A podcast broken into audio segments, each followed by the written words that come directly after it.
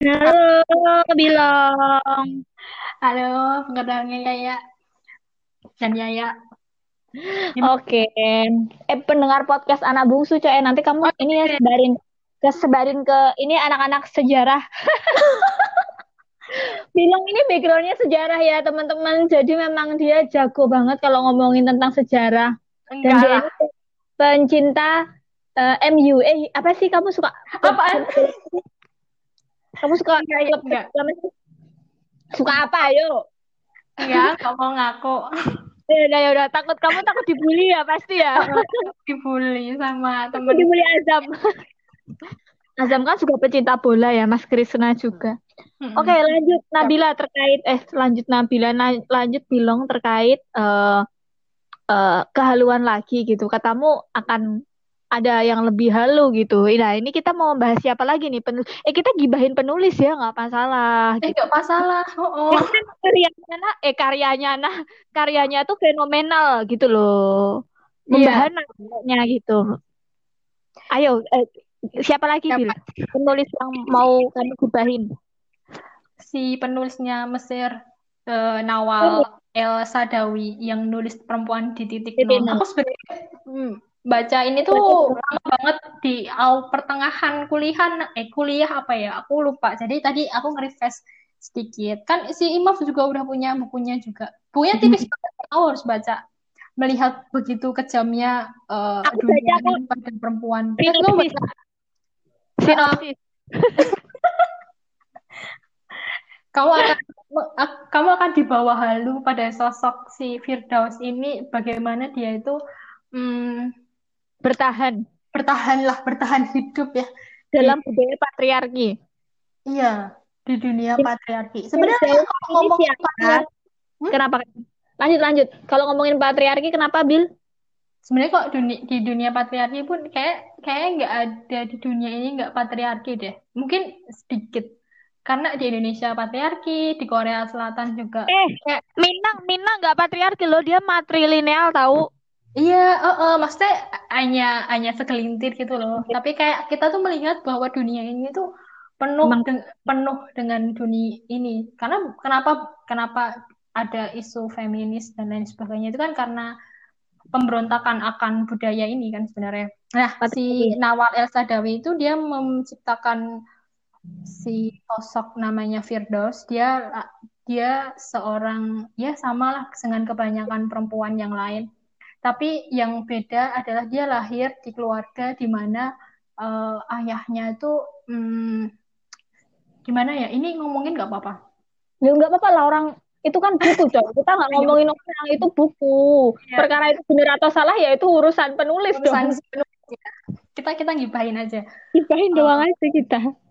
si Kenapa? Kenapa? si, si Firdaus ini sebagai seorang anak, eh, tapi diperlakukan eh, dengan tidak baik lah, padahal sama ayahnya sendiri. Misal kayak ibaratnya tanda kutip se- sebagai pembantu. Nanti kalau seandainya si ibunya itu tidak bisa eh, bekerja melayani si bapaknya, jadi dia itu yang eh, yang yang ini ya dia dia habis itu dia pergi ke rumahnya si omnya eh pamannya di sana karena ya ibaratnya uh, dia apa sih di situ pun juga lingkungannya juga terzolimi. Iya terzolimi. Aku, aku tuh aku miris gitu loh ya kalau mau nyeritain tuh. Terus abis itu dia dinikahkan dengan seorang eh, laki-laki uh, yang mungkin umurnya berapa ya lima puluh enam puluh tahun gitu. Terus uh, karena diperlakukan kasar sampai di apa ditampar pakai aku mendeskripsi aku membaca ini sampai aku pun wes nangis nangis gitu loh ya mesti. 10. Habis itu dia uh, keluar dari eh dia dia keluar dari rumah suaminya entah pergi terus dia memelacurkan diri karena ibaratnya dia apa ya menemukan uh, kesimpulan bahwa lebih baik aku memelacurkan diri karena aku punya harga di situ daripada aku harus tunduk pada ini loh pada budaya yang dibangun Heeh, budaya yang dibangun di patriarki itu sendiri. Itu kan kayak miris banget gitu loh. Kenapa ke- yang di depan mata itu kejahatan mah seolah dianggap dia itu hal yang baik untuk dia gitu. Kan kayak kayak ya ampun aku miris nangis udah kejam terlalu kejam di dunia ini berperilaku padanya.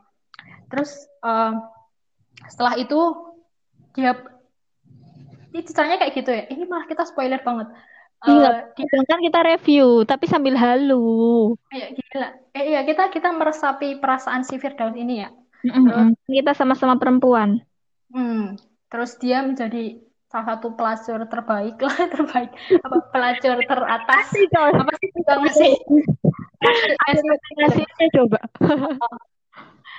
ngasih bahwa dia dia populer lah di ini terus sampai dia punya punya pacar ibaratnya tapi uh, dia udah ngasih hatinya udah ngasih cintanya kepada sosok laki-laki itu eh tapi dia dihianati gara-gara uh, si laki-lakinya itu lebih milih yang dijodohkan sama dia gitu sebagai orang-orang baik-baik daripada dia yang backgroundnya yang seperti itu gitu loh. Terus dia dia merasa bahwa hmm, kok kok laki-laki tuh sekejam itu gitu sampai pada akhirnya ya tetap dia masih masih di lingkungan pelacur. Terus satu suatu saat itu ini udah mau ending. Suatu ketika uh, ada seseorang germo seorang germo gimana dia itu datang ke tempat dia uh, buat eh kak mau diajak coba gitu di tempat pelacurannya dia. Tapi dia nggak mau karena dia pengen uh, mandiri. mandiri uh, ya karena dia udah aku udah kaya, udah punya segalanya, udah punya apartemen yang gede, yang layak, yang mewah karena hasilnya dia kerja. Terus dia nggak mau dan lain sebagainya. Terus terjadi pertengkaran sampai pada suatu pada momen dia harus membunuh si Germonya itu karena tidak sengaja. Karena untuk menjaga dirinya juga mungkin pada saat itu. Terus uh, habis itu dia melarikan diri atau ketemu sama seorang laki-laki. Terus dia cerita apa yang terjadi kemarin kalau aku habis bunuh si si Girmonya itu si orang yang diceritain sama si Firdaus itu malah menceritakan ke ke apa ya ke kepolisian. Terus ya udah dia ketangkep. Sampai akhir hayatnya dia di penjara. Terus dikasih kesempatan buat gerasi. Dia nggak mau. Alasannya gini yang bikin miris tuh uh, lebih baik aku mati daripada aku uh, aku hidup aku hidup untuk jadi um, aku di dunia yang pokoknya intinya tuh aku nggak mau nggak mau hidup di dunia yang uh, semuanya itu ada laki-lakinya gitu. Dia benar-benar udah yang saking kecewanya ya? Saking kecewanya sama sama ini ya dari so, dari dari kecil dari ayahnya terus dari pamannya terus suaminya terus ya perjalanannya dia udah panjang gitu untuk ya kalau kayak seperti itu gitu. gitu baginya mati adalah cara terbaik lah untuk bebas dari dari budaya patriarki yang kurang mengenakkan gitu. Iya, itu kadang tuh kadang bikin maknyes gitu loh ya. Kadang kok ada gitu. Seandainya, tapi sebenarnya itu ada. Di kita itu ada. Banget, maksudnya cuman karena memang kondisi kita itu aku sangat bersyukur ya lingkungan kita benar, benar. baik banget gitu jadi hmm. ya sebenarnya ada gitu bahkan aku pun bukan aku sih tapi kayak aku punya kenalan punya temen bukan teman dekat tapi dia mengakui bahwa uh, ya banyak lah. Maksudnya uh, yang nggak perlu diceritakan gitu. Banyak mm-hmm. teman yang ya ya ya seperti itu. Dan akhirnya hah sumpah aku cuman ter ya melongo nggak tahu harus berkata apa gitu. Bahwa wah Allah sangat menjaga aku ya. Tuhan tuh sangat menjaga aku gitu. Lingkunganku sangat sangat baik. Dan ya gitu ngeri banget lah sebenarnya kalau di dunia luar sana gitu. realita gitu. sebenarnya ya oh. kalau lihat realita aduh perempuan itu begitu rentan gitu loh kalau kita nggak punya pengetahuan power. yang cukup untuk uh, untuk power juga coy kamu punya pengetahuan nggak punya power sama aja jadi kayak harus kuasa itu benar-benar luar biasa sih makanya benar kalau kata si apa si Murakami itu kan si yang One Q Active itu kan Aomome itu kan dia pembunuh bayaran buat orang-orang buat para lelaki yang dia pelaku kekerasan pada perempuan dan anak kan. Dia bikin kalimatnya gini karena kalimatnya Murakami itu bagus banget. Uh, kekerasan itu tidak selalu bersifat fisik tapi kadang uh, lu, karena luka itu tidak selalu mengeluarkan darah gitu. Mungkin ini bakal korelasinya ke novel si perempuan di titik nolnya Nawal ini bahwa dia tuh udah mengalami kekerasan itu udah udah nggak fisik lagi udah yang psikisnya dari dia kecil dididik dengan ayah sekeras itu. Kayak gitu loh. Ibaratnya kalau kamu ditampar sama bapakmu sendiri aja udah yang udah yang sakit gitu. Apalagi dia sering dan lingkungannya lingkungan keluarga keluarganya pun dari pamannya dari bahkan suaminya terus dia hampir melarikan diri ke tempat pelacuran yang itu pun tempat tempat kotor lah ibaratnya. Tapi itu jadi tempat terbaik buat dia untuk ini. Karena dia dengan dengan menjadi pelacur dia punya harga di depan laki-laki gitu loh. Karena laki-laki mau bayar dia ibaratnya gitu. Karena sebelum-sebelumnya dia hanya jadi apa sih? Ibaratnya tanda kutip sampah gitu nggak sih? Mm-mm. karena ininya wah itu benar-benar ah kejam dan ah maknyes gitu loh. Kadang kita ya harus banyak-banyak bersyukur lah. Kita ada di lingkungan yang baik-baik saja kayak dunia. Kayak karena kita nggak karena kita nggak bisa memilih ya. Kita kita lahir keluarga yang seperti apa dari warna kulit yang seperti apa. Kita nggak bisa milih. Cuman ya kayak gitulah. Tapi gini tau Bil, maksudnya makanya aku tuh kalau udah habis baca kayak gitu loh, aku tuh suka merenung gitu. Oh iya ya, Hmm, emang sebenarnya memang dunia ini kan itu sangat luas banget gitu dan untuk eh, diterjemahkan mm-mm, dan budaya-budaya seperti itu tuh sangat banyak, tapi mungkin kita tidak tahu, mungkin kita tidak menemui di lingkungan kita gitu dan mungkin iya benar. kebanyakan yang mohon maaf ya, aku nggak tahu sih, mungkin nanti kalau salah bisa dikoreksi sama Bilong atau teman-teman yang mendengarkan tentang memang tentang memang lagi eh, mengenai eh, budaya ini tuh gimana ya perempuan menjadi second ya second gitu loh. Maksudnya yang kedua iya gitu. benar-benar yang kedua itu kebanyakan memang di Timur Tengah. Aku nggak tahu sih. Tapi ya di Hmm, Jawa pun sebenarnya juga seperti itu kan budayanya gitu. Iya sama. Budaya di Jawa kan seperti itu. Tapi ya mungkin karena kita orang Jawa jadi kita tuh nggak nggak yang neko-neko akan melawan apalah apa gitu. Nah, karena kalau yang aku pahami ya kalau aku baca Quran gitu ya bahwa yang membedakan antara kamu. Oke lah pertama mungkin ada ayat yang mengatakan bahwa laki-laki akan menjadi pemimpin bagi perempuan gitu kan? Aku nggak paham nih maksudnya apakah itu dalam konteks berkeluarga atau yang lainnya gitu? Karena kalau kalau keluarga emang jelas laki-laki menjadi pemimpinnya kita kan? Nah tapi kalau hmm, ada ayat lagi yang mengatakan laki dan perempuan itu cuman dibedakan sama takwa kan? Yang membedakan kita kayak iya gitu. betul sepakat aku itu. Terkait takwa doang gitu maksudnya Oh, ya kalau perempuannya bagus ya mungkin perempuan akan bisa menjadi lebih baik daripada laki-laki ataupun sebaliknya laki-laki bagus ya dia ya akan mendapatkan nilai plus dari di hadapan Tuhan gitu. Maksudnya Tuhan itu maha Iya. adil terkait menilai eh, amalan seseorang. Nah terus terkait eh, novel ini emang ya agak menyedihkan ya makanya aku nggak bisa ketawa-ketawa karena ya bisa tapi ya karena ya miris gitu loh lebih ke aduh kok kayak gini gitu. ini aku pun baca waktu baca sinopsisnya aku juga mikir ih masa sih kayak gini? Masa sih kayak gini? Kayak gitu. Aku kira ya cerita-cerita seperti itu hanya ada di inilah eh, berita gitu atau di nov anu di drama-drama Korea kayak gitu. Iya bahkan Korea pun juga ini mendengungkan isu-isu ini isu-isu feminis yang ini yang novel baru aja populer ini yang Kim Ji Young lahir itu itu 1982 itu. Itu aku oh, jujur belum belum baca. Cuman karena itu di endorse sama presidennya langsung jadinya dapat dapat spotlight. Ya itu kan di Korea pun juga ada ya yang anti feminis gitu juga ada. Orangnya lebih orang-orang kelompoknya tuh lebih keras gitu. Jadi saat em, ada beberapa artis selebritis yang dia baca novel itu Kim Ji Young la- lahir 1982 itu aja dapat kayak stigma negatif gitu loh dari masyarakat Korea sendiri sebenarnya dunia patriarki itu udah dibentuk hmm, sejak lama gitu loh. Entah di negara mana pun, di di wilayah mana pun itu ada. Ini ini akan aku aku balikan ke ini ya. Sejarah awal mulanya feminis kenapa kok bisa ada kayak gitu. Di itu feminis ada itu kan artinya femina itu kan artinya perempuan. Dia itu orang-orang yang menggugat eh, Bible. mohon maaf kalau ini ini ya. Soalnya kan di ayat uh, soalnya ini kan lebih isu-isu ini. Sensitif. Sebenarnya di di di Bible ini kelompok perempuan yang menggugat itu karena ada ayat yang di sana itu mengatakan bahwa uh, perempuan itu tuh uh, dianggap eh kan awal mula Adam turun ke bumi itu kan gara-gara Hawa Hawa uh, mempengaruhi Adam untuk uh, uh, menggoda Adam untuk memakan buah kuldi. Uh, uh.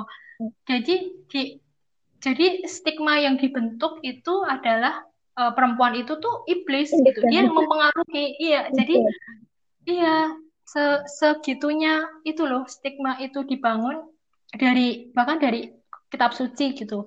Makanya kelompok ini tuh kelompok perempuan ini tuh menggugat uh, adanya uh, bahwa perempuan itu tuh sejelek itu gitu loh norm ininya uh, stratanya bahkan sampai detik ini gitu. Bahkan Aristotle itu bilang bahwa perempuan itu tuh sebagai laki-laki yang cacat. Terus wah itu kan di di iya. apa di peradaban pas Dark Age apa sih artinya uh, abad ke-8 sebelum Renaissance muncul itu kan uh, gereja memegang kendali kuat akan uh, kekuasaan lah pada saat itu. Uh, dan dan kita nggak bisa apa ya kelompok-kelompok kecil itu kan nggak bisa buat oh ini perempuan-perempuan yang rentan gitu loh yang di di nomor dua kan ibaratnya gitu. Mereka jadi second lead ibaratnya bukan uh, bukan yang utama. Makanya gerakan-gerakan feminis ini cuma gerakan-gerakan feminis pada masa itu lebih mempertanyakan aku tuh nggak mau diginiin gitu loh ke mm-hmm. mm. tapi aku, emang aku di ibaratnya kamu mandang aku tuh sama kayak uh, laki-laki gitu seperti itu tapi sebenarnya kalau kita ngomongin feminis tuh kan sebenarnya banyak ini ya definisi ya maksudnya oh, oh.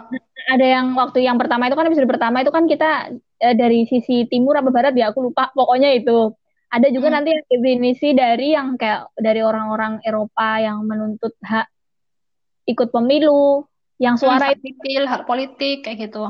Hak pilih, hak politik gitu. Terus kemudian ada ini juga, tapi emang kebanyakan yang menggaungkan feminis ini emang orang-orang luar negeri, coy. Iya nggak sih? Ya mungkin mungkin karena iya karena ibaratnya pas zaman age itu aja kamu punya punya perbedaan pendapat sama gereja aja hukumannya mati gitu kayak Galileo gitu ya gak sih? Iya, iya benar. Geosentris geosentris itu hukumannya udah kayak gitu. Gimana kalau kita mempertentangkan ini gitu. Jadi ini kelompok-kelompok senyap yang ada pada masa itu. Terus berkembang berkembang gerakannya semakin ke sini semakin berani. Kan ada tiga gelombang ya. Gelombang pertama itu awal awal abad 18 apa ya 1790-an terus dia masih yang masih memper, memperjuangkan hak politik, hak reproduksi, hak sosial gitu loh. Hak, eh, hak akan kepemilikan hak akan kepemilikan lahan eh bukan, hak akan kepemilikan suatu ini loh. Ekonomi gitu loh, dia punya otoritas ekonomi sendiri kayak gitu. Dia dia memperjuangkan hak kayak seperti itu. Terus yang agak yang mungkin jadi perdebatan di era sekarang itu yang gelombang ketiga karena banyak bendera ya ada yeah. bawa banyak ya misal kayak isu LGBT masuk di ya menunggangi lah isu-isu yeah. feminis itu sendiri sebenarnya uh, mesti memahami sebuah situasi sekarang itu kan dilihat dari sejarah panjang yang sangat panjang itu iya, bener jadi nggak bisa kita langsung cut ini, wah nggak boleh kayak gitu-gitu dan lain sebagainya. Iya, Memang sebenarnya udah oh di maksudnya di keyakinan kita, di kepercayaan kita udah final gitu loh bahwa manusia itu hadir di buka bumi ini ya sesuai dengan surat Azariyat ayat 56 itu kan ya tentang oh. Uh, tentang kita tuh harus beribadah kepada manusia tanpa memedulikan gender. Intinya gitu, ibadah Oh, nanti mau diterjemahkan seperti apa ibadahnya monggo. Kan iman penting kita ada di dunia ini eksistensinya kayak Murakami menanyakan eksistensinya eksistensi tokoh sama juga kita menanyakan eksistensi diri kita di dunia ini ya untuk ibadah. Tapi karena uh, penerjemahan itu berbeda dengan kitab sebelumnya di Bible karena uh, perempuan itu dianggap seperti itu ya ini yang digugat oleh aliran ini muncullah aliran-aliran feminis dan lain sebagainya dan lain sebagainya itu. Jadi sejarahnya panjang karena dia memiliki punya ketersinggungan ininya beda kok isunya kan beda sama beda, yang tiap tiap ini tuh beda-beda gitu nggak sih? Tiap uh, tahu bukan tahun sih tapi tiap gelombang itu memang isu yang dibawa berbeda gitu dan bener bener. ya, kalau sekarang gelombang tiga tuh lebih ke diversity gitu loh iya. interseksionality gitu. Seks seks gitu nggak sih kalau uh, iya kayak transgender LGBTQ eh LGBT bacanya apa itu? Itu yeah, kan benderanya kan itu yang ditunggangi. Gitu. Mungkin kita menolaknya yang itu. Tapi kadang kita tuh uh, menggaungkan untuk anti feminis yang gelombang ini lain, kadang kita juga ikut juga sebenarnya uh, uh, kadang kampanyenya itu nggak ini nggak kadang nggak masuk akal di kita gitu. Kita udah final lah Islam tuh udah final secara ajaran agama. Udah tapi uh, tapi fenomena sekarang ini kan dihidupkan lagi gara-gara banyak bendera ini kan. Yang penting ya, kita kalau udah maksudnya kalau keyakinan kita menolak ya menolak kan. Tapi ya. kita paham lah kenapa latar belakang mereka seperti itu untuk ya sebagai preferensi untuk saling menghormati. Iya lagi-lagi emang ya kenapa ya? Aku selalu dihadapkan dengan tema-tema feminisme toleransi gitu. Ya nggak apa-apa. Mungkin memang sekarang memang aku sama Tuhan diminta untuk belajar masalah ini gitu. Mungkin nanti suatu saat kan nggak tahu gitu ya aku jadi orang besar gitu. Amin amin. Terus menemui banyak banyak apa ya? Banyak sekali ya akhirnya memilih untuk berpindah entah itu keyakinan entah itu berpindah uh, apa seksualnya gitu. Apa sih seksual? Ya gender lah ya gender gitu-gitu. Banyak bil. Tapi ya aku menghormati gitu. Mungkin secara secara secara pribadi aku sangat kecewa gitu secara gitu ini menolak gitu. Secara hati menolak. Tapi, tapi secara kemanusiaan aku tetap akan menerima dia sebagai temanku. Nggak boleh dong tiba-tiba ya, langsung dikucilin ntar aku dikucilin ya, repot aku ya gitu Iya, nanti kembali ke uh, ini sih um, kesimpulan ini loh. Ini aku pernah lihat si Al Ghazali itu kan punya hmm. ini kan komposisi manusia itu ada tiga. Yang uh satu naf nafs naf. al al sama uh kayak tumbuhan hewan. Dia tumbuh dan uh, dia tumbuh dan butuh makan. Tadi makanya ini korelasinya sama ininya Dan Brown yang tadi yang kita butuh makan dan kita butuh hidup. Terus uh dua nafsu al hayaniyah hay hayawaniyah tentang manusia dan sama kayak hewan karena dia punya kehendak dan rasa. Yang yang membedakan uh, nafsu al insaniyah itu kita memiliki rasio dan akal. Ini tuh yang membentuk bahwa seseorang itu uh, diri dari tubuh bukan dari nyawa tapi lebih ke kualitas jiwa. Wah anjay. Oke. Berarti kajian ber, menjelang berbuka puasa. lanjut lanjut tadi kita tuh udah serius terus loh Bil maksudnya emang kita pembahasannya itu tadi tuh serius cuman ya wes lah jadi kembali lagi lah ke kualitas ini ke kualitas manusianya jadi sebenarnya tadi itu korelasi gitu antara si novelnya Dan Brown yang dia pengen menghancurkan manusia karena ledakan manusia yang membabi buta, banyaknya sampah konflik lingkungan hidup. Apalagi itu banyak banget isu yang dibawa. Terus Murakami yang menanyakan tentang eksistensi manusia. Si Elsa Dawi ini yang membawa isu tentang feminis. Tuh kayak hmm. ketersinggungannya itu jawabannya cuma di ini gitu loh di apa ya Ghazali gitu ya Iya tentang bahwa manusia itu uh, yang dilihat tuh bukan kamu pakai skincare apa ya bukan warna hmm. kulit bukan dari warna kulit, bukan dari kamu berasal dari keluarga mana, bukan dari status sosial tinggi atau rendahnya, tapi lebih ke kualitas jiwa, ke ini. Aku sepakat ini. Soalnya ya, ya. kadang kadang konflik kita sekarang itu lebih ke kita sering mengkotak-kotakkan gitu loh. Ini ya. yang gamis gede, ini yang Kamu masih membahas itu, coy. Oh, oh. Itu tiga episode aku membahas hal-hal seperti itu coba astaga Tuhanku ampuni aku. Uh, uh, kadang kita terjebak dalam kotak-kotaan itu loh. Kita nggak melihat bahwasanya kita sama-sama hidup di dunia ini untuk ibadah dan meningkatkan kualitas jiwa itu gitu. Untuk meningkatkan inilah buat bekal besok lah. Kita kan hidup juga buat beli gorengan habis itu mati kan ya? Enggak enggak langsung mati coy.